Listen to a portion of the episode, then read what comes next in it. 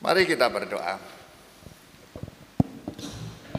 Tuhan kembali kami bersyukur dan berterima kasih karena di tengah pandemi ini kami saat ini masih dapat beribadah kepada Tuhan untuk mendengarkan firman Tuhan, berdoa bersama, menyanyi bersama dan apalagi pada hari ini kami akan menerima perjamuan kudus yang telah Tuhan perintahkan kepada kami semuanya.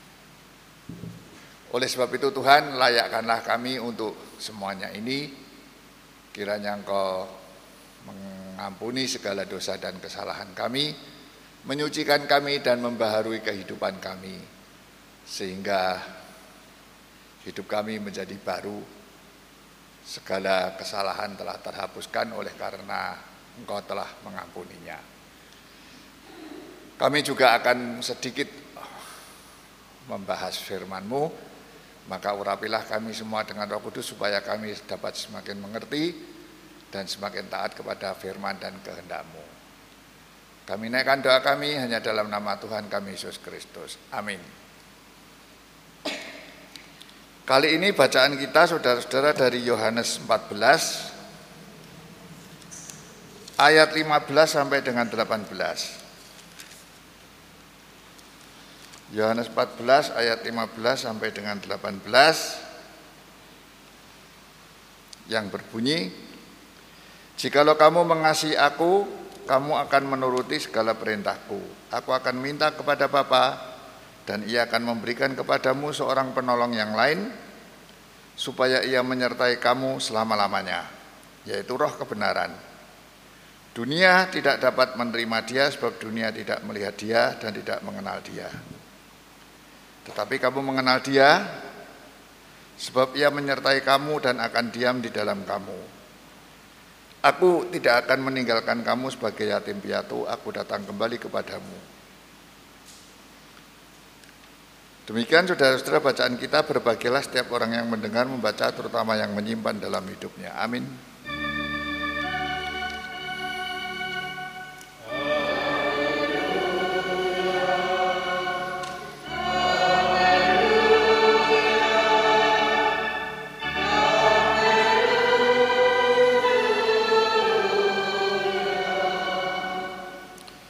Saudara-saudara, kali ini saya akan mengajak saudara-saudara untuk merenungkan kembali mengenai Roh Kudus ya, Roh penghibur atau Roh Kudus yang diutus oleh Yesus untuk orang-orang yang percaya kepada Dia.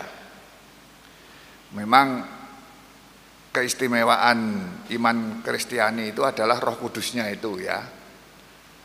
Karena agama lain tidak punya Roh Kudus itu.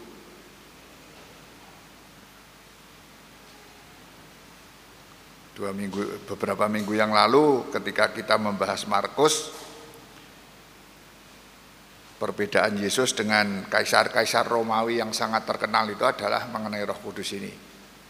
Para kaisar itu segera dilupakan karena para kaisar itu tidak mengirimkan roh, tidak punya Roh Kudus itu, tetapi Yesus mengirimkan Roh Kudus sehingga umat yang percaya kepada dia selalu uh, mengenal dia selalu mengumandangkan namanya. Nama Yesus menjadi abadi. Tidak seperti nama kaisar-kaisar Romawi itu. Lagian saudara-saudara GKI jarang membahas tentang roh kudus ya.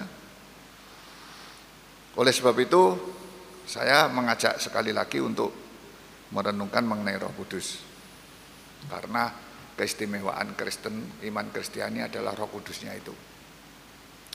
Roh Kudus menyebabkan orang semakin mengenal Yesus dan kalau orang mengenal Yesus, dia akan mengenal Allah yang benar. Ya, disebut karena roh penghibur itu roh kebenaran. Jadi Roh Kudus itu menyebabkan orang semakin mengenal Yesus dan kalau dia mengenal Yesus berarti semakin mengenal Allah yang benar. Roh Kudus akan menyebabkan seseorang semakin dekat dengan Yesus, semakin ingin mendekat dengan Yesus. Dan Roh Kudus juga menyebabkan orang tahu, menghayati dan mengerti bahwa Yesus selalu bersama dengan dia.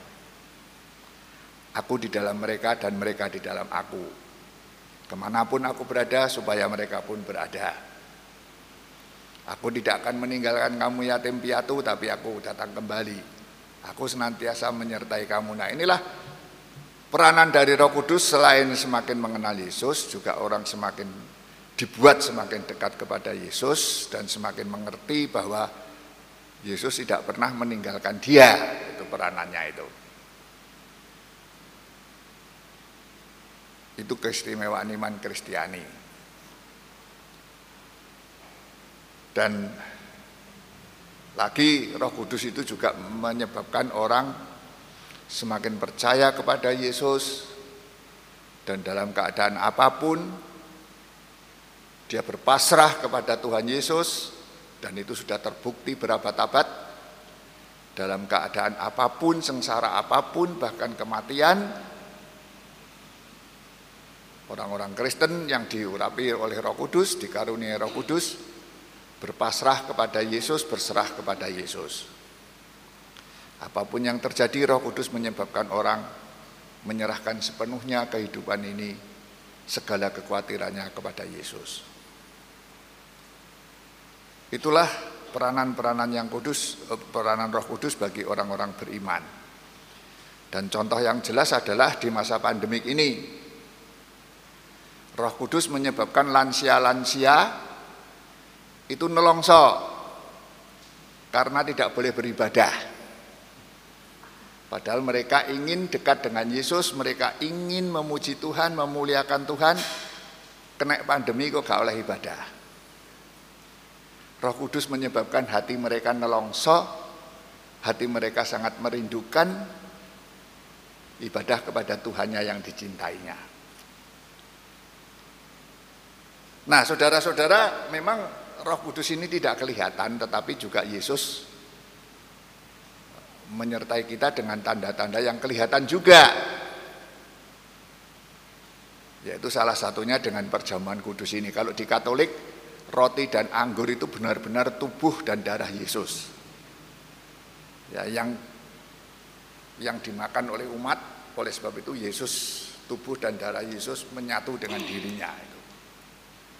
Memang kita tidak menganggap seperti itu. Ini hanya tanda, bukan bukan tubuh dan darah Yesus yang sungguh-sungguh.